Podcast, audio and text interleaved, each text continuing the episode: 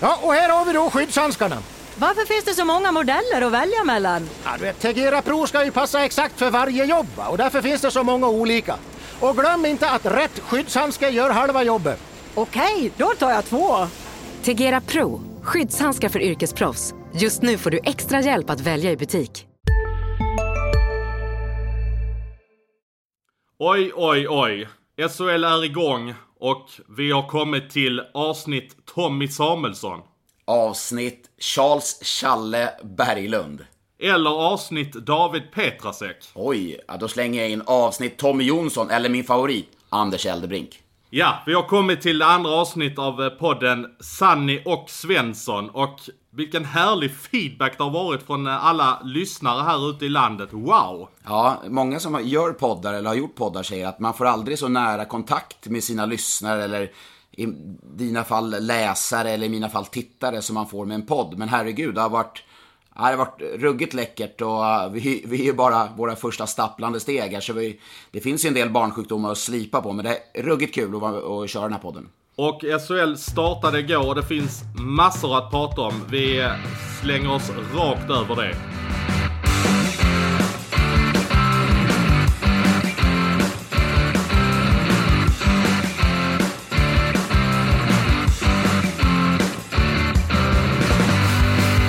Underbart såklart att SHL är igång och Hockeyallsvenskan runt dörren. SDHL, Hockeyettan, är det mycket hockey nu. Men Johan, natten mellan lördag och söndag, fick du sova någonting eller eh, spenderade du hela natten i Tegera Arena? Ja, det blev en otroligt lång dag. Eh, när jag satt i bilen på väg, jag sov ju i Gävle natten innan så jag hade ju en eh, 12-13 mils körning till Leksand och eh, det var någonstans i höjd med Hofors som jag fick ett samtal om att eh, matchen skulle bli försenad för att Malmös flyg inte hade, hade startat nere på Sturup i Skåne och jo då, när man ringde ett samtal så visade det sig stämma. Eh, Så att eh, det blev ju en otroligt lång dag men vad skönt att, det ändå, att de ändå kom iväg så den här premiärfesten i Leksand med alla folk och all uppladdning som hade varit att det att de verkligen fick matchen att spelas på den här dagen. Eh, vad gör man i september om du skulle göra en sajt för Visit Leksand? Dina tre favorittips hur man spenderar en da- dag i Leksand? Ja men alltså det är ju, det finns ju inte så mycket att göra i Leksand men eh, de hade ju satt ihop en eh, fantastisk eh, tillställning på torget i Leksand med där Stick och Per Larsson eh, uppträdde och till och med Svenne Rubin sägs ha varit där. De klassiska långa bollar på bänk, det minns jag att de eh, lirade en gång i tiden på 90-talet. Nej men det finns ju såklart inte så mycket att göra i Leksand men eh, det är ju det är ju hockey för hela slanten så att eh, Nej, det var... eh, De löste det faktiskt bra. Jag tror krögarna i Leksand är rätt glada för, för det som hände. För de sålde på rätt bra under dagen. Men du, vilken hockeyfeber. Alltså i Leksand, men i hela SHL premiäromgången. Det har ju, känns ju som att det är inte bara vi som har stått och stampat och väntat på den här premiären. Nej, det var ju otroligt mycket folk på många arenor och, eh, och det hände grejer och eh, alltså om vi bara ska ta den här Leksandsmatchen, alltså vilken vändning Leksand gör i den här matchen. Wow! Ja, jag, jag trodde ju där när jag satt och kollade att kände att nej, men det här, nu känns eh, premiärförlust, Malmö, stabila, tunga. Alsenfelt var ju stundtals strålande. Eh, och, en, och ändå så lyckas Leksand vända och vinna det där. Ruggigt läckert. Ja, alltså Malmö var ju fantastiskt bra, i alla fall första delen av matchen. Eh, jag tyckte inte Leksand hade en chans under stora delar av första perioden. Det kändes som Malmö verkligen kontrollerade. Men sen var det som att Leksand bara tryckte på en knapp i slutet av andra och det var då Alsenfelt började storspela och...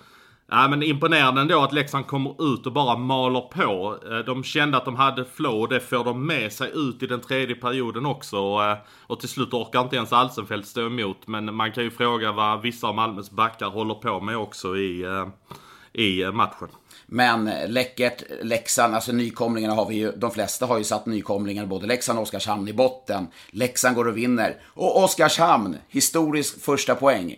Ja, det är ruggigt läckert. Ja, någonstans så... eh, Det känns lite bekant att det där händer, att en nykomling eh, sprattlar till så i början och Leksand vinner och Oskarshamn, wow vad häftigt. Det, det känns som det har hänt förr, men eh, det ger ju, inger ju ändå en viss respekt att man får med sig en poäng i, i Skellefteå och vad matchen svängde fram och tillbaka.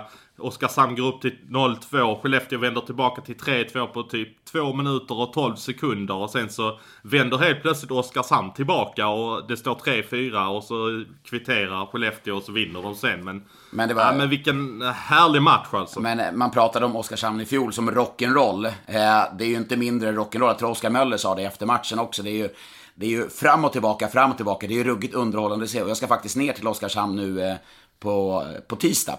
Och gör den matchen imorgon då, när det här avsnittet, släpps. Så att eh, hemmapremiären i SHL, Oskarshamn mot Leksand. Känn på den. Ja, och så två lag lite grann utan press får man ju ändå säga. De har eh, gjort bra premiärer båda två. Oskarshamn har fått med sig en pinne i en svår bortamatch. Leksand har vunnit mot Malmö. Alltså jag bara tänker, jag pratade lite grann med Leksand eh, igår efter matchen, lite folk där när, eh, när de hade vunnit matchen.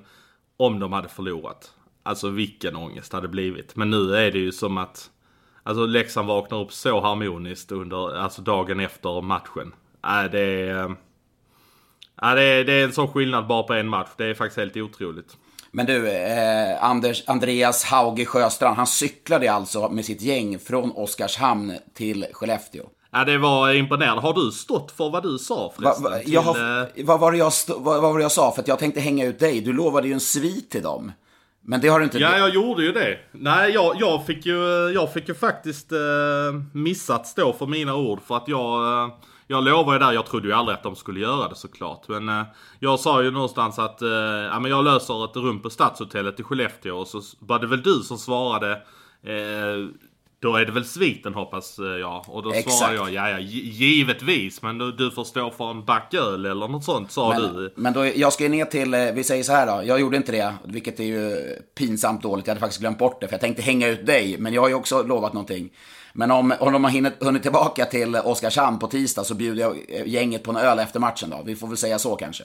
Ja men det tycker jag absolut att du ska stå fast för det. Jag fick ju uh, bjuda dem på en uh, god middag där på uh, kvällen eftersom hotellet i uh, Skellefteå var fullbokat. Det var ju faktiskt därför uh, det fallerade. Annars hade jag faktiskt ärligt talat löst det, det måste jag säga. Nej, nej, läckert Oskarshamn, men det var ju, de föll ju på matchstraffet kändes det som. Alltså, eller föll, de gör ju en jättematch, men får det där uh, huvudlösa i dubbel bemärkelse matchstraffet. Ja, Simon Depré han, ehm, han gör ju en eh, dum grej där. Det är ju bara lite kvar och, eh, och det blir ju det som sänker laget när han eh, gör det. Och det, för övrigt så är det ju det enda disciplinnämnden har behövt ta upp här efter omgången. Och det är ju faktiskt ganska skönt att det bara blev det. En, en grej per omgång är nästan okej okay numera. Ja, annars brukar man sitta där klockan åtta på morgonen så upp, uppdaterar man flödet och så ser man, jaha, fem spelare anmälda, en spelare efter en full omgång var ju ganska bra. Ja precis, och det var, det var en, eh, en nykomling i ligan, en spelare som aldrig har spelat här. Han har väl förhoppningsvis lärt sig och, och vi ska ju säga det att straffet blev två matchers avstängning. Eh, Du som kan det här Sanni, är det, är det rätt att det blev två plus noll? Ja, det, det är väl någonstans där det ligger. Alltså, det är väl mer en sån här, det är en respektlös, själva rörelsen i sig, det är inte speciellt farligt i det här fallet. Liksom. Men det kan ju bli farligt om, om den hjälmen träffar hårt i ansiktet. Men det är just att man har någon form av praxis när det gäller de här grejerna. Då, då är det två, två matcher brukar det vara. Jag vet att Oskarsund gjorde så här på försäsongen, HV Linköping mot Niklas Persson för några år sedan. Jag tror han fick två matcher också, så det brukar ligga där två, tre matcher. Så att det var väntat tycker jag. Är det väldigt mycket så att disciplinnämnden håller sig till, till praxis kring vissa grejer? Alltså, har du gjort en sån grej får du 3 plus 1. Ja. Lite den känslan har jag fått över hur man dömer de här straffen. Men det, tidigare kändes det som när, när det kom in ett straff så satt ju alla och spekulerade. Nu vet man någonstans. Nu vet man bara var det landar in. Det är tre matcher, det är två matcher. Man, man ser en helt annan tydlighet i disciplinnämndens bedömning än vad man gjorde tidigare. Ja det tycker jag också. Jag tycker det har blivit väldigt bra här sen man införde det här systemet att anmälningen kommer klockan åtta på morgonen, kommer ut då och sen Ja, vilket rappt system. den... Vilket, vilket, vilket Ja. rappt system. Det är liksom kvällen får spelaren och klubben veta. De hinner svara. Åtta vet vi i media eller vi fans. Och, och vid 10-12 så landar en avstängning. Det är ju ruggigt snabbt marscherat. Ja det tycker jag de har gjort riktigt bra. Det var lite segare förr utan det är samma eh, gång varje gång så att säga. Det, Men- ja, jag tycker det, det ska de ha all eloge för, för att de har fått igång det så himla bra. Men du, när du säger segare, då kommer jag oavkortat in på HV71. Oj, ja, Ja. det, kan man, det kan man lugnt säga. Tänker du då på, tänker du då på deras sega centrar eller? Jag tänk, ja, generellt, det, laget där, alltså jag tycker, jag är ruggigt osäker på var HV står. De har till exempel ett väldigt, egentligen ett ganska hajpat nyförvärv i form av Axel Holmström. 11 minuters istid lite drygt igår. Från, alltså, det sätter an, ändå an en ton för mig var han ligger i hierarkin. Visserligen istiden ganska jämnt, men så en sån som eh, Christian Sandberg som kom sent in, center, spelade nästan 3,5-4 minuter mer än vad, vad Holmström gjorde. Så att, nej, anmärkningsvärt, och det är någonting som är ganska tufft för Holmström att ta sig in i säsongen. Dels med en förlust och sen att man känner att man kanske ligger där i hierarkin här och nu. Och han behöver ju det här, han, du vet när han är bra Holmström med det här självförtroendet, vet vi vad han kan göra. Ja, men om vi ska vara helt ärliga. Har han visat det, vad han kan göra sen det här slutspelet 2015? Nej. Har han verkligen gjort det? Nej, det har, han har varit skadad, haft lite problem och nu har han varit borta några år. Nej, definitivt inte. Så att, Eh, det är ju en liten os osäkerhet kring Holmström. Och just, jag kollar mycket på istider för det, det signalerar någonting. Sen kan det vara skador, det kan vara... Eh, man spelar inte boxplay, powerplay. Men i det här fallet så är Holmström en offensiv spelare. Och HV låg ju under hela matchen så de jagade ju trots allt eh, eh, Rögle som imponerande. Och vi bara vänder på det. Grymt för Rögle att ta sig in i säsongen med en vinst. Det gjorde man inte i fjol direkt. Nej, alltså förra säsongen när det gäller Rögle så, eh, så tittade jag lite grann på det. Då hade de ju inlett säsongen med eh, sex matcher och tagit en poäng. Nu har de tagit tre poäng på en match. Det är en, en sån skillnad så det nästan blir löjligt. Det ger en sån arbetsro och trygghet i hela föreningen att man, att man kan inleda en säsong på det sättet. Eh, det känns som de liksom någonstans Ja, de börjar på något helt annat och slipper krishantera och hela den här biten. Ja, och redan nästa omgång, då är det ju Rögle åker ner till Malmö. Vilken match vi har framför oss.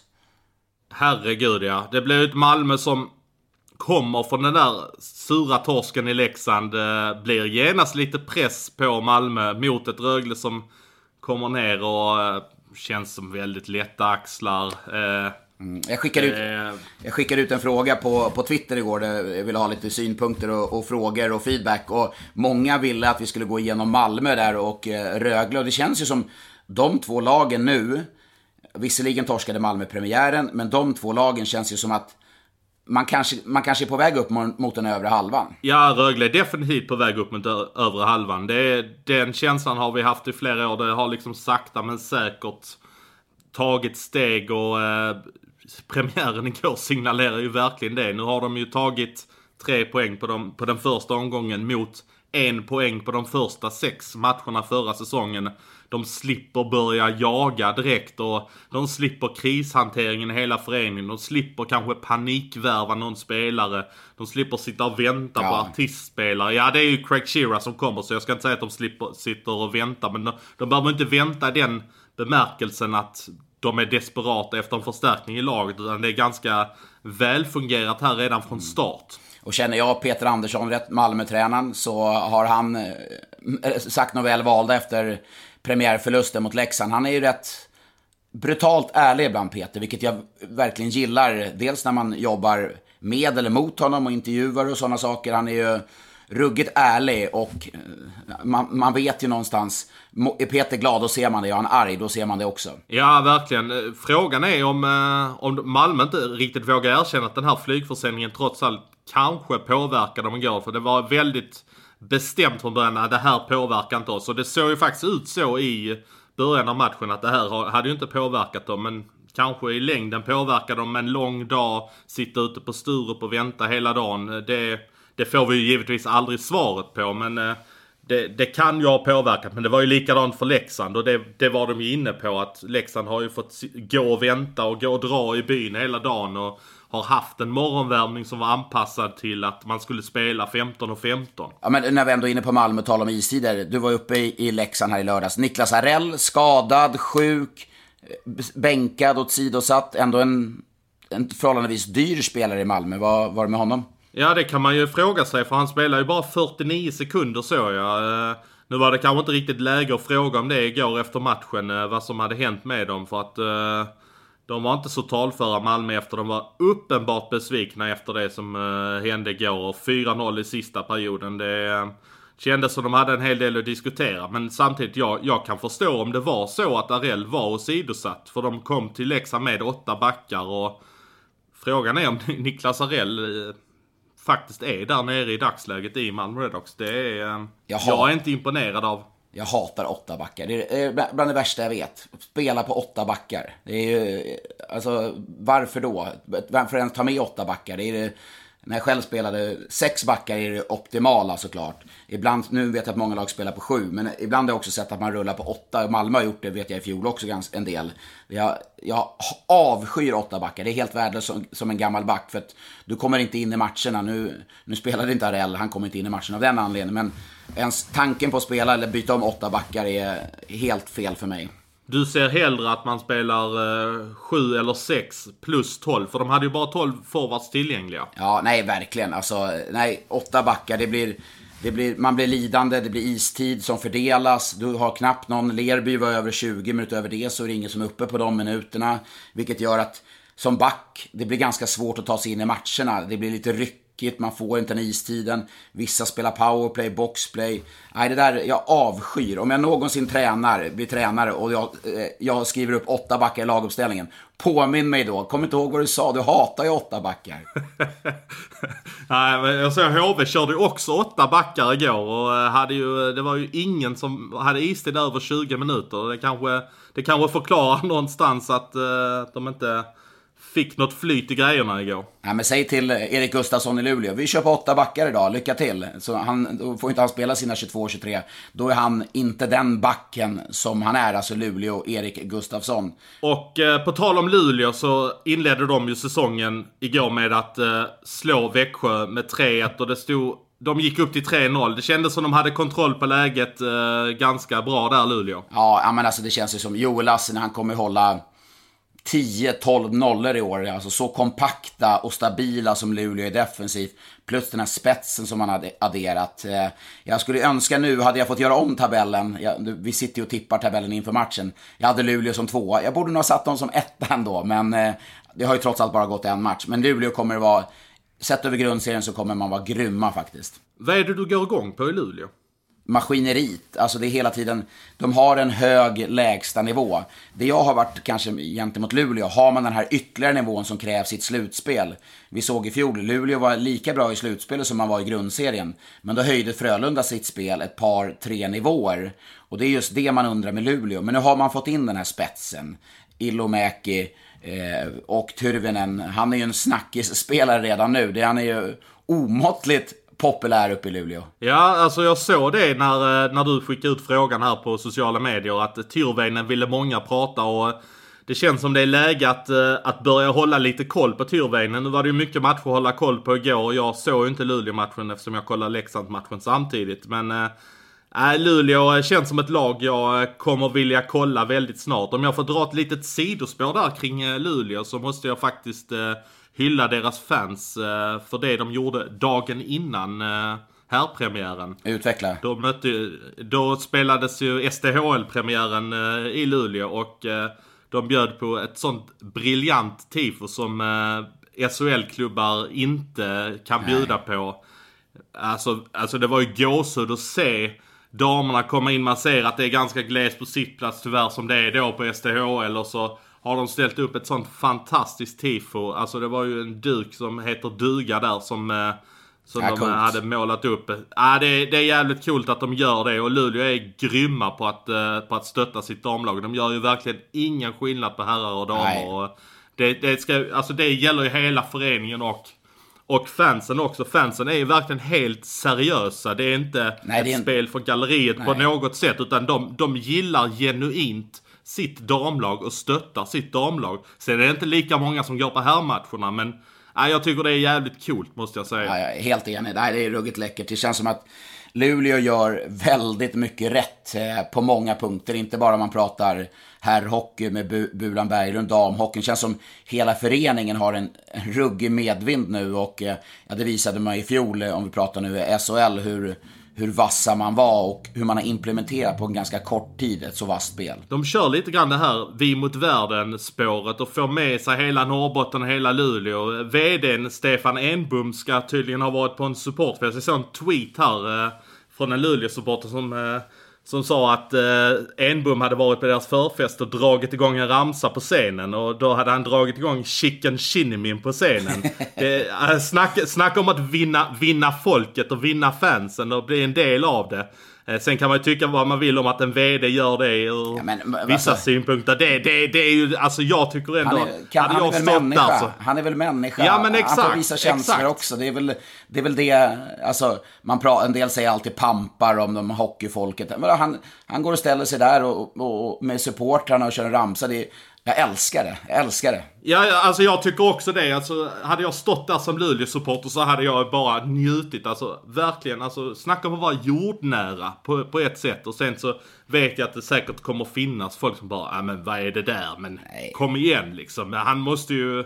Nej, jag tycker det, jag tycker ändå det var, det var roligt att han, att han ställer upp och liksom visar en mänsklig sida. Verkligen. Ja, det är underbart. Svenska mästarna har ju också kommit in i SHL. Har de det? Eh, har de verkligen kommit in i SHL? Ja, eller, eller har de det? Ja, det är verkligen bra att du sa det för att det är väl snarare så att Brynäs har kommit in i SHL. Mm. Wow! Ja, verkligen. Eh, jag har ju varit lite så här, var står Brynäs? Eh, man tar tillbaka Sundlöv, Dakell kom in i fjol och Ove Molin och liksom, vad är det Brynäs ska stå för? Vad har de här fått för influenser när de har varit borta, Sundlöv och Molin, som har förändrat deras syn på hockey? Eller är det så här, samma, samma, samma? Jag, jag har varit lite osäker just på den, på den konstellationen. Men man har pratat om att man har spelat helt annat spel med en puckkontroll, våga utmana på ett sätt som man inte hade manskap till att göra i fjol. Och Frölunda fick inte tag i Brynäs. Eh, de spelades ut i, ur egen zon, de höll i pucken på ett imponerande sätt. Rudin och Scott kom igång direkt. Eh, Bredden, spetsen. Grymt imponerad av eh, eh, Brynäs premiär.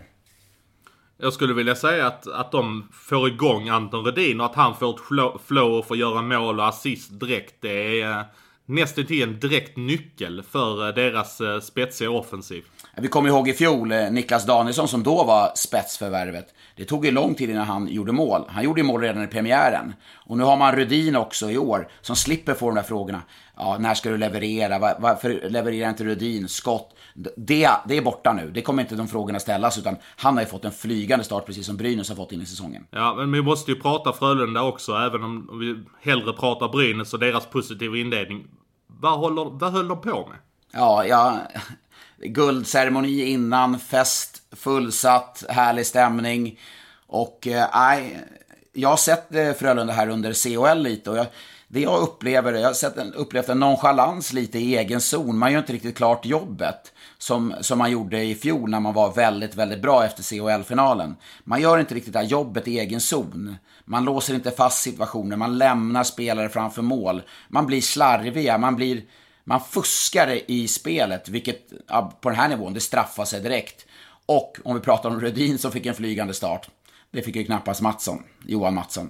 Utbytt efter 0-4 på tavlan och eh, det var ju inte riktigt den starten han ville ha som den här uttalade ettan. Frölunda kommer ju inte säga att han är uttalad etta, men om man tittar lönehierarkimässigt så är han ju definitivt den som ska vara etta i Frölunda och den som liksom ska bära ansvaret. Han tog över efter Gustafsson förra säsongen och går in i säsongen för första som, gången som, som etta. etta. Och... Ja. ja. men nu, nu, är det han. Det är han som pressen ligger på. Den, vi, vi, var inne på det i första avsnittet, att det är en helt annan press på honom. Att han kunde inte gömma sig bakom Johan Gustafsson, för det, det gjorde han inte. Han var ju grym i fjol, Johan Mattsson. Men han får ju den här, det är nu är det jag som har ansvaret och då blir utbytt här. Han var ju skadad i slutspelet i fjol, det var därför han inte spelade. Men blir utbytt i premiären, det är tufft alltså. Det är tufft. Kan man säga ångest i omgång två? HV71 mot Frölunda. Ja, det, det blev väl en skön rubrik. Ångestmötet, det är helt underbart, jag älskar det. ja. ja, men det blir ju lite grann så. HV kommer till eh, sin första hemmamatch, kommer från 0-4 i Ängelholm. Frölunda kommer 2-5 från Brynäs och de ska mötas i Jönköping nu. Ja, det är underbart. Vi har en match kvar att beta av från premiäromgången. Färjestad, eh, som förlorade hemmapremiären i fullsatt Löfbergs Arena. Eh, ja, Färjestad, vilken offensiv man har. Men nu, defensiven, det såg ut som det gjorde under Johan Pennerborgs första år i Färjestad. Vi kommer ihåg att offensiven var jätterolig, härlig att se på, men man slarvade i defensiven, vilket man städade till i fjol. Nu tyckte jag man var väldigt, väldigt slarvig och givmilda i, i eh, defensiven. Det kanske märks trots allt att Wikstrand och Virtanen är borta, även om de kanske hade mycket offensiva egenskaper. Ja, det är klart. Alltså, du, du har Virtanens 24 minuter, du har Wikstrands 21 minuter. Bra minuter, eh, så det är klart att det är svårt att ersätta. Och Blam och eh, Måsik kommer väl komma in i det, men de stod inte ut igår. Men en sån som Linus Arnesson ska ju ändå hålla ihop defensiven. Han tycker jag vi glömmer väldigt mycket när vi pratar om Färjestad. Ja, men det är många som, många som hyllar honom och, och Pennerborn, tränaren där i Färjestad, eh, målar ut honom som en landslagsback, vilket han har testat på, dock efter säsongen, ingen sån här riktiga Eurohockey-turneringar. Men eh, han kom ju från Örebro också, så det var säkert en speciell match för honom. Men där, där, där, måste jag imponeras av Örebro. Jag tycker de slarvade lite också premiären, men där har man ju fått in spetsen. Och om vi pratar om Rudin fick en flygande start i Brynäs, Bromé som ändå har press att leverera två mål direkt. Bromé han eh, sa ju att vi, eh, vi hade druckit paraplydrinkar hela sommaren i, eh, i media när vi tippar Örebro så långt ner. Finns det någonstans att han har lite rätt i det där eller hur, eh, vad känner du? Eh, kan vi dra den slutsatsen? De har ändå gjort en bra försäsong och eh, kommer in här i Karlstad och gör sex mål i Karlstad. Vilken bomb Salminen fick på förresten där. Ja. Edlund var helt galen i sändningen. ja, ja då, då, vet man att det är bra när Johan Edlund går upp i spinn där. Det är underbart. Men, eh, ja. nej, men Örebro, deras största tillgång, det är ju deras tränarkonstellation. Jag gillar den skarpt. Niklas Eriksson är så lugn, balanserad, sansad. Han vet hur han vill spela hockey. Han kom in i fjol och i hans ledarskap så fick han ju enormt självförtroende när han utvecklade Örebro. Och får då Jörgen Jönsson som ja, jag menar, har enorm erfarenhet som spelare och ledare nu. Och får in Christer Olsson som en renodlad backtränare. Det är, jag tycker att det är en vass, vass konstellation. Jörgen Jönsson är eh, verkligen en det känns som en premiumtränare om jag får säga så. Mm, verkligen. Han har ju varit, han har haft lite svårt att hitta sin roll. Eh, alltså han kom in som sportchef i Färjestad och tränare, visste inte riktigt var han skulle stå och var runt lite. Men det känns som att han växte under Sam Hallands vingar, om man får säga så, i, i Växjö där och tog i sitt ledarskap, tror jag, enorma kliv. Och jag vet när han kom in i fjol i Örebro, grymt uppskattad. Spelarna, ja, de gillade honom skarpt, vilket Jörgen är lätt att tycka om, för han är så extremt kunnig och han har en trovärdighet i det han gör. Så Örebro får bara tacka och ta emot för att de ligger så bra geografiskt till från Karlstad då? exakt, ja exakt. Inge, alla vill ju bo helst i Karlstad så man kan pendla. Det är, det är, det är ja. smidigt. Men du, eh, publikfest, men också, det får man inte glömma att nämna, målfest också. Härligt. Robin Lindgren, vår uh, kollega här på Expressen. Em, kan han, du inte säga uh, eminenta kollega? han vill nog att vi ska säga det. Eh, för övrigt så eh, har han fått en ny fin profilbild på Elite Prospect också. Så den får ni eh, gå in på så han får upp lite trafik på den. Det är ett annat, en annan sak. Men det blev 47 mål i premiäromgången. tidigare rekordet var 44 här på de senaste 16 säsongerna. Så det blev verkligen en målfest kan, är det här en följd av någonting? Har du något spår där som du känner att det här är anledningen till att det blev så mycket mål? Eller är det en slump? Nej, alltså jag tror att många lag pratar om att spela en offensivare hockey. Vi har ju Brynäs som har pratat om det. Vi har Färjestad, alltså Rögle. Alltså, många vill spela en offensivare hockey. Det är en sak. Sen har det kommit in skickliga spelare.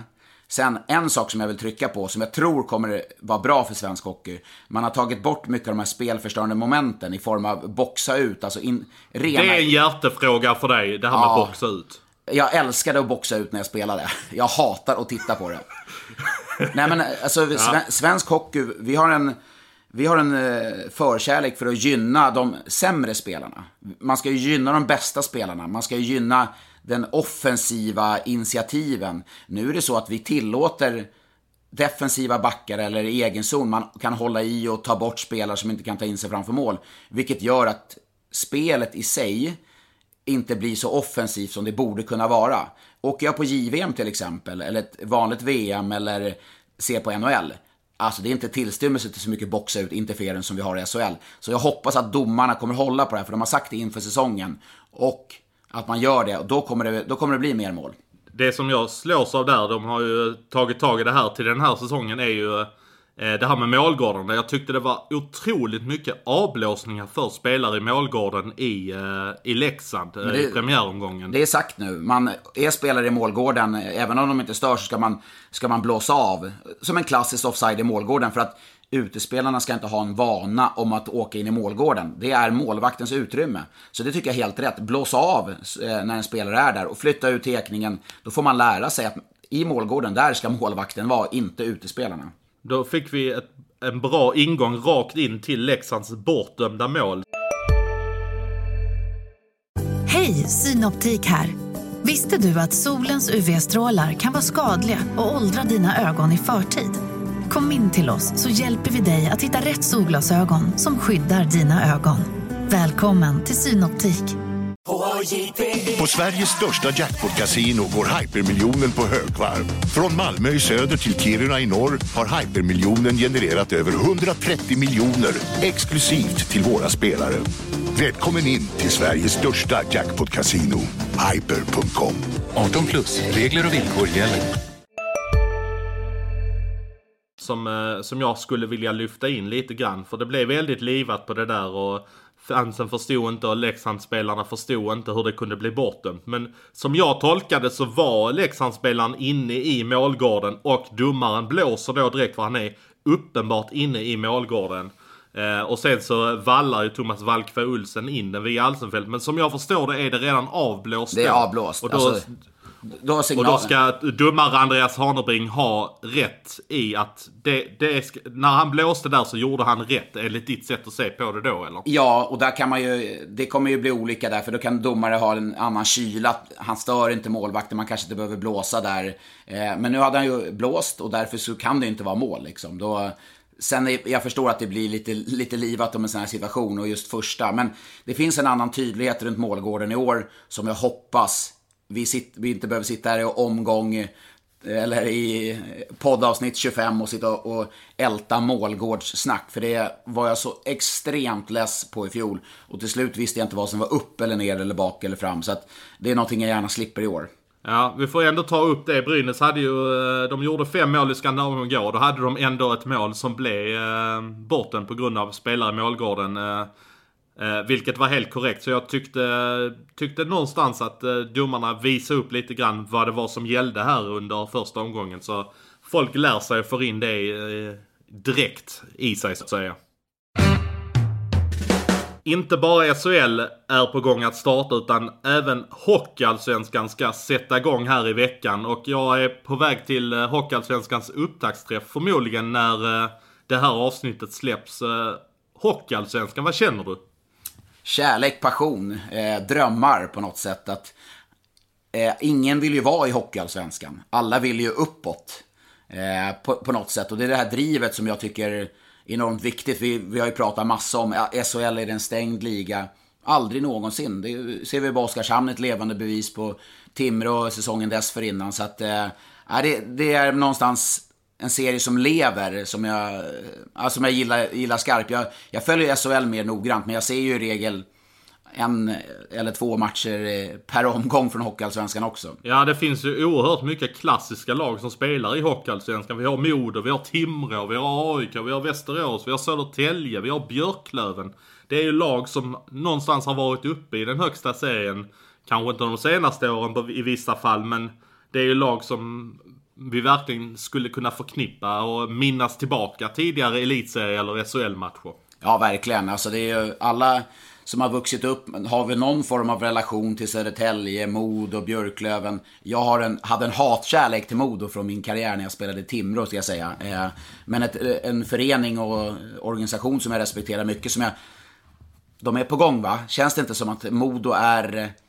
Nu har man satt någonting där med Björn Hellkvist som tränare och det, det känns som att Modo borde kunna flytta fram sina positioner och vara en...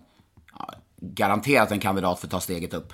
Ja, det, och det, men det har man ju faktiskt sagt om Modo här varje säsong. Men eh, någonstans så känns det som att de började om lite grann. Hade två misslyckade säsonger. Och nu, nu skulle vi andas lite, bygga ny kultur med Hellkvist som ny tränare. Det blev en väldig fart på träningarna. Helt annat sätt att träna. Så att det, de har byggt upp här under ett år. De gick till slutspelsserien förra säsongen och nu vill de ta nästa kliv och har kanske spetsat till det lite ytterligare. Nej, Modo är, eh, är spännande och det känns som de har hittat tillbaka till rötterna lite grann. Mycket svenska spelare, unga spelare, mycket spelare från egna leden. Jag älskar ju Mattias Norlinder. Ja, jag skulle precis... Vilken skridskoåkning. Ja, herregud. Det är ruggigt läcker. Alltså född 2000 då, så kan kan, eh, kommer förhoppningsvis, eller nu har eh, JVM kommer ju ha en grym backsida beroende på om man får loss där bortifrån eh, Nordamerika. Men Norlinder är ju garanterat en kandidat och eh, får ju spela också med, med Tobias Enström, vilket är en bra läromästare på så sätt. Ja, Tobias Enström valde ju att skriva på ett nytt kontrakt här till slut och det det kände man väl att någonstans kommer det hända. Men nu, nu har han gått en hel sommar här och eh, ja, han har inte varit med i laget eh, och varit med i tränet, utan han har liksom kom, kommer in ganska sent här och är lagets kapten. Ja, det, alltså det där är alltid problematiskt för att Björn Hellkvist vill ju sätta, eller Björn Hellkvist Mod och Per Styv och alla som jobbar i och runt föreningen vill ju sätta någon identitet och känner jag Björn Hellkvist rätt så är det ju det är ett hårt jobb som ska prägla eh, extremt vältränade laget. Och då kommer då Tobias Enström in sent, har inte varit med laget och tränat försäsongsträning. Det blir svårt för Björn Hellkvist att sätta de här kraven i form av träningsmängd när, när Enström kan inte leva upp till det eh, inledningsvis, Tobias Enström. Så att det är inte helt optimalt den situationen att man väntar så länge med att ta in Enström. Det är lite skeptiskt just till de här grejerna. Rent spelmässigt så finns det ju ingenting, ingen kan gnälla på Tobias Enström. Det är ju en klassback, såklart. Men just den här träningskulturen. Modo för mig har varit en liten countryclub tidigare där man har kommit och gått, det har inte varit riktigt de här höga kraven. Och det är ju och ska vara med Björn Hellkvist nu. Och lever Tobias eh, Enström upp till det i sin fysik? Inte helt säker. Du menar på att han har gått runt och såsat hela sommaren eller? Nej, såsat han har inte gjort. Men jag tror inte han har tränat Björn Hellkvist hårt under sommaren. Det, det tror jag inte han har gjort. Räcker det inte med att ta de 16 000 stegen på golfbanan då? Ja, för oss gör det som är eh, glada motionärer. Så att, eh, nej, men han är en klassförstärkning. Men jag, det är också lite, det är svårt just den här delen. Jag vet själv, jag har varit i lagspelare som har kommit in sent. Kommit in och inte haft den här riktiga förberedelserna nästan behövt spela sig i form. Eh, det, det, är lite, det är känsligt just när man ska sätta en kultur där man präglas av det hårda jobbet. Så du tror att eh, sådana som eh, Anton Öhman och Olofsson och Patrik Karlqvist och sådana som har slitit hela sommaren kan gå runt och störa sig lite grann på att Enström kommer in lite grann här på räkmacka och helt plötsligt ska han leda skutan? Nej, jag tror inte de kommer störa sig. Jag tror man har en enorm respekt för hans karriär tidigare och för hans kunnande. Men det är också det här att som tränare att du sätter kraven att det här ska vi leva upp till i syreupptagningsförmåga, alltså VO2 max eller hur snabbt man ska springa eller hur mycket man ska orka. Så, så har du kanske en kapten som behöver spela sig i form eh, mer än eh, att han har tränat hårt med laget under sommaren. Jag tycker du hetsar upp dig lite väl mycket över det här faktiskt. Det måste jag säga. Jag, jag, jag tror Tobias Enström, han kommer eh, sätta karaktär på detta direkt. Nej, men, du hetsar upp dig lite det, för mycket. Det, kan, det kanske präglas för mycket av min egen, egen karriär och mitt eget kunnande. Jag, jag, vet själv att om inte jag var på topp, topptränad så då, då hade jag problem på isen. Men nu, nu Enström sitter, besitter ju en liten finare skridskoåkning än vad jag gjorde under mina glansdagar. Nej men Modo eh, är inte ensamma där uppe i norr om att eh, ha ett lag som vi tror skulle kunna vara ett lag som är där uppe och hotar i toppen. Utan om vi flyttar oss vidare 15 mil söderut i surströmmingsland så kommer vi till dina gamla jaktmarker och Timrå. Eh, har trillat ner i Hockeyallsvenskan och det kan ju bli en baksmälla när man kommer ner från SHL. Men jag tycker faktiskt Timrå har byggt ett ganska intressant lag här. Nubben har fått ihop det ganska bra måste jag säga. Ja, det, det, eh, definitivt. Eh, offensivt ser det ju jätteintressant ut. Det är väl backsidan man kanske är lite eh, frågande till om den backsidan är tillräckligt bra för att kunna hota, eller ho, vara i toppen eller kunna hota för att ta sig upp i, i SHL. Forwardsmässigt tycker jag det ser jätteintressant ut där Eh, Jonathan Dahlén såklart är det ju affischnamnet kanske i hela Hockeyallsvenskan. Jag pratade lite grann med Adam Johansson som jobbar på Mittmedia som, eh, som bevakade den gamla SCA-kuppen här nu på försäsongen. Eh, han, eh, han satte verkligen ett frågetecken för eh, backsidan i eh, Timrå men att det var det som skulle bli akilleshälen. Det kanske blir där nubben får jobba under säsongen för att man verkligen ska få ihop det och sen vet jag inte riktigt. Jag är väl lite skeptisk till hur det är. Varför behåller man Fredan Andersson? Hur är förtroendet för honom efter säsongen i eh, SHL? När jag tycker inte han riktigt fick ihop det. Han gjorde ett jättejobb när de gick upp i, i SHL från Hockeyallsvenskan senast. Men jag, jag blev lite tveksam till Fredan i, eh, i SHL måste jag säga.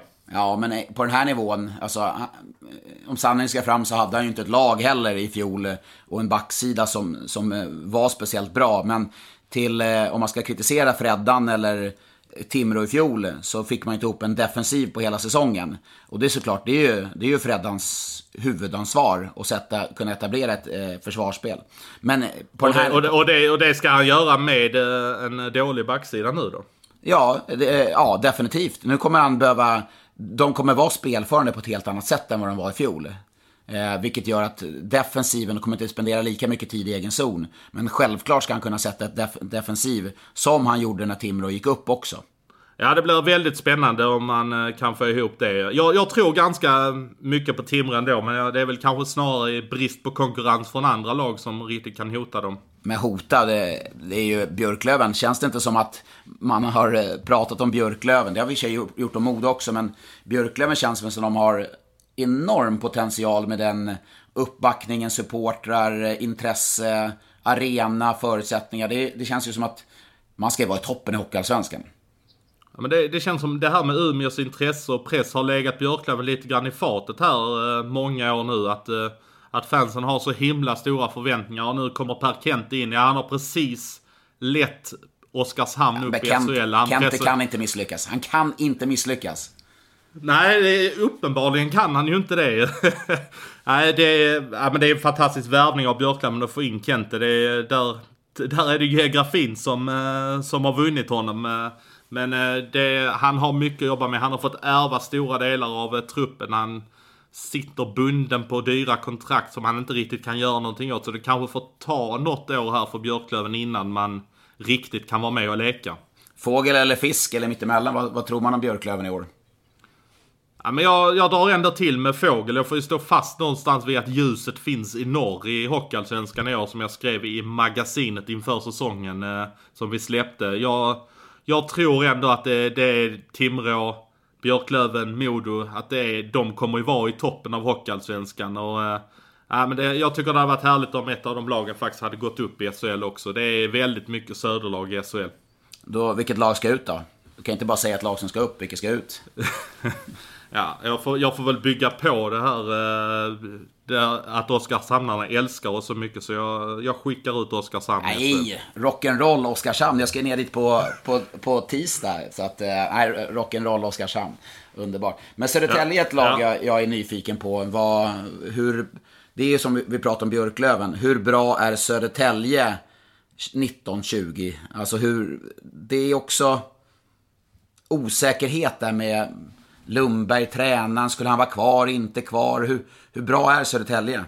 Nej, Södertälje är jag. Jag får inget riktigt grepp om Södertälje. Jag, eh, nu, nu tappar de ju Nikolaj Meyer och eh, Sebastian Dyk som ledde hela offensiven förra säsongen. Eh, får visst tillbaka Kristoffer Bengtsson som eh, kanske kommer lite stukad från SHL. Lyckades varken i Rögle eller Färjestad. Eh, men kommer ju komma tillbaka och han han får lite krav på sig från Täljefansen som vet vad han kan och får spela lite med brussan i, eh, i SSK nu. Och, nej men det, jag, jag vet inte riktigt var jag har Södertälje eller vad de står för riktigt. Jag eh, får inget grepp om det och Lundberg är kvar och jag vet att tidigare klubbdirektören var helt inne på att han skulle bort och nu är klubbdirektören Mats Pernhem borta på, eh, från föreningen mm. istället.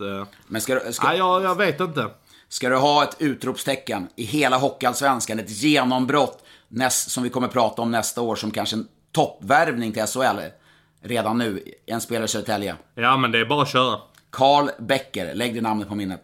Ja, jag vet att både Luleå och Skellefteå var tal om att de jagade dem. Han spelade Piteå förra säsongen ja. och uh, gjorde det riktigt bra i Hockeyettan. Ja. Vad va, va vet du om honom? Vad står han för? Jag, jag, jag följer ju Hockeyettan nära eftersom min hjärteklubb eh, eh, Huddinge spelar där. Och eh, då såg jag lite med Piteå i fjol och eh, såg den här Becker. Och jag tror att det, det finns så jäkla mycket potential i den här killen. Alltså just mål, alltså målskytten och får han bara träna mer noggrant, han får vara proffs i Södertälje. Alltså äta, leva, sova, hockey. Så tror jag han kommer få ett ruggigt härligt genombrott. Eh, och kanske få spela då med Nick Olsen där eh, eh i, i en kedja och vara den här offensiva duon eventuellt då. Men Bäcke, lägg det namnet på minnen. Och han slipper alla de här bussresorna i norra serien och slippa åka till Östersund ena dagen och Vännäs andra dagen och eh, slippa möta dåliga lag hela tiden och få utvecklas av det där också. Ja, men det är spännande spelare, helt klart. Mm, ja, men som du sa, han hade ju liksom SHL-ögon på sig redan i år och jag tror att det, det, finns, det går att fynda i Hockeyettan. Och det här är ett naturligt steg då från Becker att ta, ta det här steget eh, från Piteå till Södertälje och få vara professionell hockeyspelare och få ge det chansen. Är ju trots allt liksom eh, i en bra ålder också, 23 år, för att kunna utvecklas. Spännande spelare helt klart. Och i Södertäljes trakter så har vi i 08-området. Jag vet att de inte vill benämna det som ett derby. Men det är trots allt i 08-området så finns även AIK. Och var står AIK i dagsläget? Va, va, vad känner vi kring AIK? Jag, jag har svårt liksom att hitta någonting. Jag kan känna att man har lyft in eh, Kim Tallberg, spetsspelare från Tingsryd. Man lyfte in John Henryon här som var bästa målskytt här i Hockeyallsvenskan för ett par år sedan. Det känns som, har man hittat någon som kan börja betala igen i AIK eller vad är det frågan om? Nej men alltså, laget är ju det är inte lika starkt som det var i fjol. Eh, man, tappar, man tappar mycket spets såklart och det blir det ju när du är i Hockeyallsvenskan topplag. Nu tappar du dels till Finland men även till Frödén till exempel och eh, Eh, par, och Sandberg, Sandberg har ju lämnat. Ja, eh, hjärtat. Men om man ser lagdel för lagdel. Johannes Jönsson, kanske den bästa målvakten i Hockeyallsvenskan. Klart SHL-mässig. Han... Nej, jag, jag, jag är tveksam till Jönsson. Han är, eh, han är för skadebenägen. Han ja, är för skadebenägen. Det är ju en, en aspekt, absolut. Men hel och frisk så är ju han absolut SHL-mässig. Jag... Ställ honom bakom, eh, ställ honom i Luleå till exempel bakom det där försvaret och han är, ja, han är en riktigt vass SHL-målvakt. Men absolut, eh, skadehistoriken är ju ingenting som eh, är någon trevlig läsning på så sätt. Backsidan tycker jag, Oskar Drugge får man in på hockeyallsvensk nivå. måste man ändå betrakta som en toppback. Absolut, jag håller med. Och så Robin Jakobsson, en stabil defensiv, bra. Johan Larsson, bra allsvensk back. Så det, det, finns ju... Men kan Johan Larsson verkligen åka skridskor? Ja, ja det är, men i Hockeyallsvenskan. Alltså i Hockeyallsvenskan. Såg du under grundserien i fjol hur bra han var? Han var ju... Han var jättebra, han var han, jättebra. Sen var han ju skadad under slutdelen av säsongen, om det var ett reben eller någonting, kunde knappt träna eller så. Så att då hämmades han. Men på hockeyallsvensk nivå är han ju, tycker jag, en riktigt, riktigt bra spelare. Och sen Forwardsmässigt har de ju bra också. Kanske jaga, de borde kanske jaga någon form av spets om man har pengar kvar till det. Ja, men där kan jag faktiskt säga en grej som jag avslöja, Avslöja, kan du avslöja?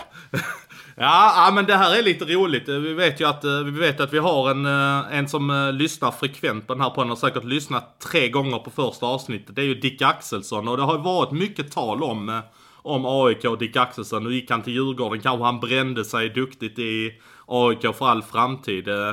Men eh, jag vet, och detta är från säkert håll, att AIK faktiskt har eh, gjort en stöt på Dick Axelsson som Oj. har en social situation i eh, Stockholm. Har de lagt fram ett kontraktserbjudande till herr Axelsson eller? Absolut.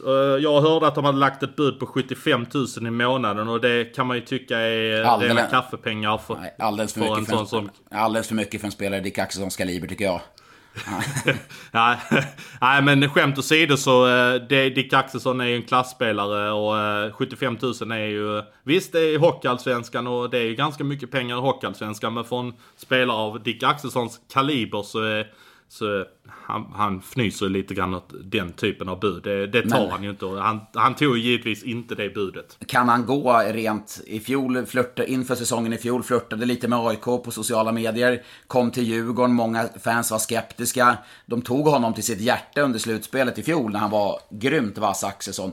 Skulle han kunna göra den vändningen och gå till AIK nu också? Det är ändå det är inte en helt friktionsfri eh, övergång om man säger så, då rivaliteten är däremellan. Nej, men det är ju lite det som, eh, som ligger honom i fatet nu. Att han kanske har bränt sig lite hos AIK-fansen när han gick till Djurgården och AIK gjorde en storsatsning och han... Eh, ja, han valde att spela i Djurgården eh, istället för att vara med på den här resan med AIK när de hade ett väldigt bra lag förra säsongen. Men nu, jag, jag tycker någonstans ändå att Dick gjorde rätt i det för att han visar att han, eh, han håller bra klass i SHL. Verkligen bra klass i SHL. Men dörren för Dick Axelsson är aldrig stängt i Huddinge, det ska jag säga. Definitivt inte. Han, eh, han är väl som du, han gillar väl den gamla klassiska plantskolan. Ja, vi har pratat, eh, AIK vet man inte, men Björklöven, Modo, Timrå känns ju som topplag. Botten då, vad, vad har vi där nere? Karlskrona känns ju som ett sjunkande skepp, va? Ja, de, eh, jag vet inte riktigt vad de har för självbild i Karlskrona. De har... Ja, där handlar det väl egentligen om att de måste få ordning på sin ekonomi och det, det har ju verkligen inte blivit en, eh, en bra start på denna säsongen. Serien har inte ens börjat. Man har satsat in och tagit in eh, en ganska fräsch tränare måste jag säga i Phil Horske, österrikaren, som pratar helt flytande svenska och är, känns som en eh, en grym framtidsledare måste jag säga. Han har gjort ett strålande jobb för Vimmerby i Hockeyettan och eh, alla jag pratat med eh, hyllar honom. eh, Men det tog inte lång tid innan Phil försvann här från, från Karlskrona och ja, det låter ju som att det är ett gemensamt beslut, ett familjebeslut. men eh, Alltid. jag är... Jag älskar familjesituationer.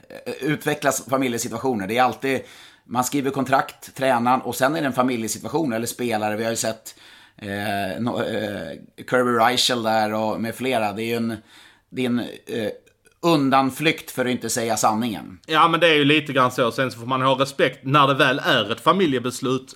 Vilket det säkert kan vara vissa gånger. Men det är klart att det inte uppstår sådana grejer hela tiden. Eh, jag, jag är ju säker på att i det här fallet så var det att Phil, eh, han hade för hög kravbild, han la sig i för mycket, han var för ärlig. Och jag tror inte Karlskronas ledning eh, riktigt var mottagliga för det där att han la sig i och verkligen, ja han kritiserade när han tyckte någonting var dåligt och eh, man kom helt enkelt överens. Det blev en konflikt lite grann där och då Även om det kanske låter som att han klev av själv. Det kanske han gjorde för han kände att ja, det, här, det här kommer inte gå. Eh, så eh, så är, stod ju Karlskrona inte i vägen för det där. Och någonstans så blir den här konflikten att ja, man kan inte säga att han blev sparkad. Men Jo, nästan i, i alla fall. I vår, I vår bransch säger vi att han blev sparkad. Det, det, kän, det, Ja, det kän- det känns ju lite så att man, man tar in en tränare och ett par månader senare är han borta. Det är klart att det, det är en regelrätt sparkning. Är, så är det ju. Det går Ja, ja, ja, men, ja, men det är det. Alltså när det blir en sån konflikt så, så blir han ju, han blir bortplockad. Så är det bara.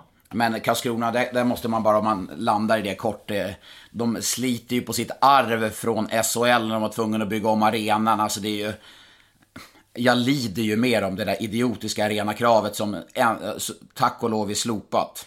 Ja, lite grann så får Karlskrona verkligen lida för det nu. De får ju jobba med sina siffror år efter år efter år här. Det blir ett ekonomiskt stålbad för Karlskrona att gå igenom här nu innan man någonstans har landat igen. Och fansen får kanske vara beredda att ta ett gäng skitår rent ut sagt i Hockeyallsvenskan och kanske, ja i bästa fall nå topp 8. Men jag, jag tror inte man är uppe och hotar om en topplats i Hockeyallsvenskan på flera år. Det har jag väldigt svårt att se.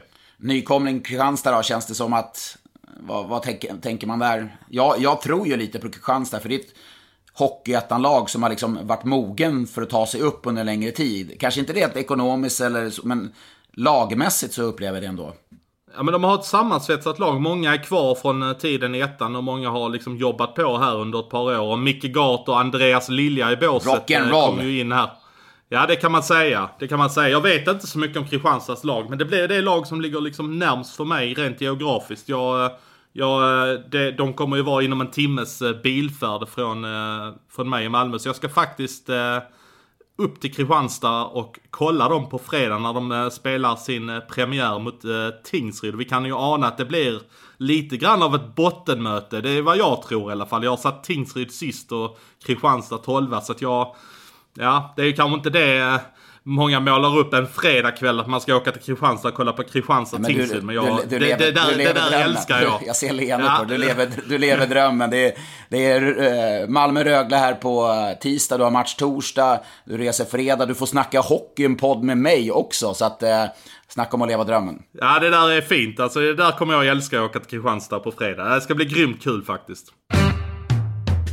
på Twitter här i eh, lördag så ställde jag en fråga efter premiäromgången i SHL vad ni ville att vi skulle prata om, ta in lite tankar och åsikter. Nelsa frågar då, kanske kan rikta till dig lite Johan, eh, varför slaktar Färjestad sin hemmapremiär? Vad menar han med det? Jag tror eh, att han menar att, eh, att örebroarna fick så himla mycket biljetter på premiärmatchen. Eh, de eh, kom ju med, ja det var ju 800 organiserade och det var flera hundra utöver det som åkte till Karlstad. Och, Men är, inte det, är, är det inte det underbart när det är bortafölje också? Eller hade- var det för mycket biljetter menar du? Eller det var det som var slakten? Ja, ja, det är det jag tror att han menar. För jag vet att det har varit lite livat i Karlstad på att man, eh, på att man har givit eh, Örebro så pass många biljetter. Och, och det kan jag absolut köpa att man har den kritiken från fansens sida. Och att man, som jag har förstått det så eh, bara gjorde man det utan att liksom synka det med sina fans dialogen. Okej, okej, ja, då vet jag, Och- okej, och det- då förstår jag vad jag menar. Och det, det, det kan jag någonstans köpa att man är kritisk till det. Samtidigt så förstår jag också Färjestad som... Som har, de har inte haft fullsatt på sina premiärer de senaste åren. Så det, det är klart att de vill ta chansen att, eh, att sälja ut sin arena. Det är ju ganska mycket pengar in det handlar om. Men du, Jolle, eh, där kan ju du kanske fylla på. Jolle bara skriver Marek Rivik. Det är väl så det uttalas va? Leksands forwarden. Du såg ju honom på plats i lördags. Är det ett fynd de har gjort eh, där Leksand? Ja, fynd är väl synd att säga för han kostar ju en del. Men det känns väldigt välscoutat. Jag, eh, jag anar att han kan vara en väldigt ledande spelare i det där laget. Hårt jobbande spelare. De verkar ha fått in honom väldigt väl. Eh, de satte in honom på isen när de skulle försvara ledningen också. Så det är inte bara en offensiv spelare det handlar om. Utan det här känns som en väldigt allround spelare som eh, man kan sätta in i alla möjliga spelformer. Jag, och jag tror bara han kommer att bli bättre och bättre. Det är ju inte allt för länge sedan han kom till klubben. Nej, nej spännande. Och eh, Edvard Berggren här, han bara säger Filip Broberg. Såg du Filip Brobergs eh, soloåkning igår? Det hade kunnat bli så här eh, highlight of the year. Alltså vilken, ja, vilken, vilken skridskoåkning han har. Det är helt underbart. Ja, det verkar som de här eh, backarna födda på eh, 00-talet eh, har en helt annan respekt för det. De bara kör de där backarna. Vi vet ju Rasmus Dahlins eh, när han åkte slalom i, mot Skellefteå här för något år sedan i slutspelet. Eh, Broberg har eh, grymma egenskaper. Det ska bli väldigt kul att se honom här under säsongen i Skellefteå. Ja, verkligen. Men du, när vi är inne där på Leksand där, så frågar Johan Wendel. Hur mycket ma- får Malmö böta för att inte vara tid till match? En, eh, en hel del kan man ju hoppas. Nu eh, tänker kanske Johan är eh, en Leksandssupporter, men oavsett. Var det någonting, eh, fanns det en oro att matchen inte ens skulle kunna spela där? Det var väl det första man var osäker på om Malmö skulle komma upp. Vad, vad, vad gäller då? Vad händer? Ja, nej, det, det, det fick jag aldrig något riktigt svar på igår när jag frågade vad är det som händer om de inte kommer upp och sådär. Ska den spelas dagen efter eller, eller eh, blir det walkover? Det blir inte walkover, det kan man ju väl slå fast. Nej, utan, exakt. eh, det, ambitionen är ju alltid att den ska komma igång samma dag. Och det var ju väldigt tur att det var en 15 och 15 match som man eh, spelade, skulle spelat. Så att eh, det fanns lite marginal att flytta den till kvällen. Och, nej, det var ju en väldigt tur att Malmö fick tag på ett plan där. Det, jag, jag trodde inte man skulle lösa det för att jag vet hur flygtrafiken ser ut i, på lördagar. Men nu, nu lyckades man ju få tag på ett danskt flygplan och det, den eh, ersättningen där som eh, Malmö fick ett klart bättre flygplan än det man hade beställt och eh, kom då iväg med det. Men den, den kostnaden kommer ju inte Malmö få utan det blir ju flygbolaget som inte kan ställa upp på det som de hade beställt så att säga. Men när det gäller eh, kostnaden för allt annat och eventuell ersättning och sådär så, eh, så tror inte jag att eh, det kommer inte drabba Malmö någonting Nej, faktiskt. nej, utan, det är ju utan, utanför deras... Det kan inte, teknikstyr kan inte de styra över. Men Marcus Johansson då, det här är kanske lite mer till mig då. Frågar om regeln late hit. Det är alltså ny den regeln, och alltså late hit. Eh, kommer den kunna appliceras på ett rättvist sätt? Hur svårt kommer det vara för domarna att konsekv- vara konsekventa med tanke på hur regeln kan tolkas? Måste vara den mest diffusa regeln i boken. Jag är inte, så, jag är inte speciellt orolig för den där late hit.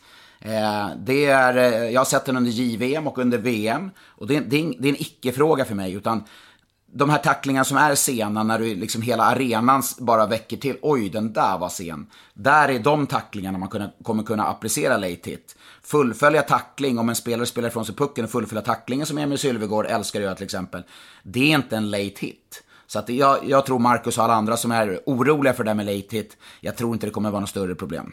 Det är mycket frågor om derbyt också nu som kommer på tisdag. Det rör ju upp känslor där nere i Skåne. Malmö mot eh, Rögle. Vi får väl återkomma till det i eh, avsnitt tre helt enkelt eh, och, göra en uppföljning på det. För det är ju en grymt intressant match. Sa du avsnitt tre nu? Avsnitt Daniel Berter menar du väl? Ja, just det. Du ser. Ja, du, du är på hugget. Jajamän. Vi tar väl och avrundar där Sanni helt enkelt. Eh, vi ser fram emot en ny härlig vecka och då kickar även Hockeyallsvenskan igång och vi får fulla omgångar i SHL. Så har ni några synpunkter så är det bara till att komma in till oss på Twitter där jag finns under namnet Mr Maddock och du Sanni finns under Sanny Lindström. Jag älskar att du har ett eh, artistnamn. Jag, jag, jag, ska sova på ett artistnamn till mig också. Jag, jag känner att Sanny Lindström, det låter ju väldigt löjligt. Men Mr Maddock. Ja, in och följ oss där, ställ frågor. Tack för att ni lyssnar och är med oss på den här resan i våra första stapplande, vi får väl säga skär då, i alla fall, på den här podden. Precis.